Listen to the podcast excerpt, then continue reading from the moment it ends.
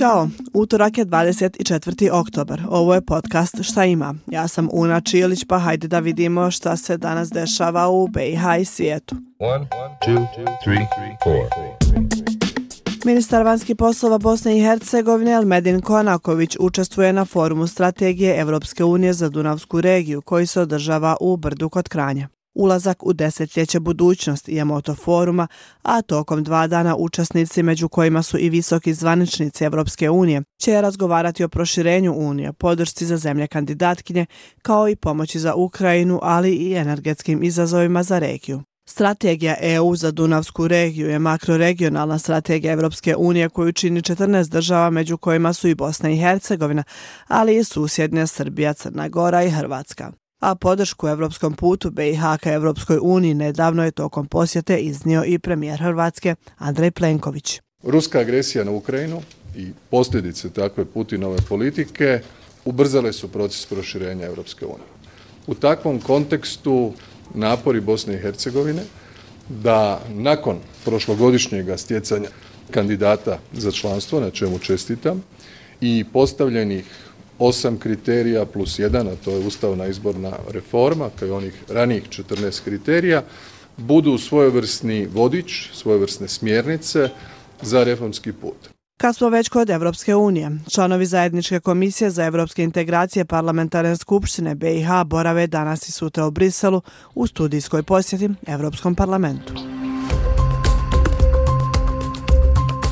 Ministarstvo unutrašnjih poslova Republike Srpske zabranilo protestnu šetnju nevladinim organizacijama povodom zakona o stranim agentima. Umjesto protestne šetnje najavljeno je okupljanje na trgu krajine.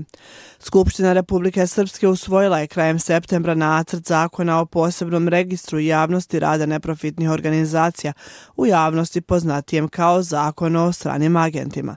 Prema istraživanju Radija Slobodna Evropa nacrt je sličan zakonu usvojenom u Rusiji 2012. godine. Naišao je na niz kritika javnosti nevladinog sektora i međunarodnih organizacija.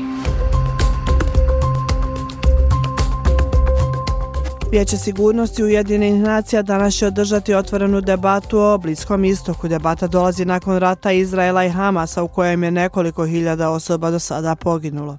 A na današnji dan, prije 78 godina, kao odgovor na potrebu za boljom metodom rješavanja međunarodnih sukoba i mirovnih pregovora, osnovane su Ujedinjene nacije. Inicijalno 51 zemlja članica potpisala je povelju UN-a, među kojima su bile i Njemačka, Italija, Poljska, Japan i druge.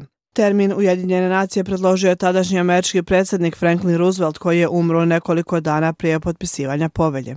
Organizacija trenutno ima 193 članice, a Bosna i Hercegovina je članica od 22. maja 1992. godine.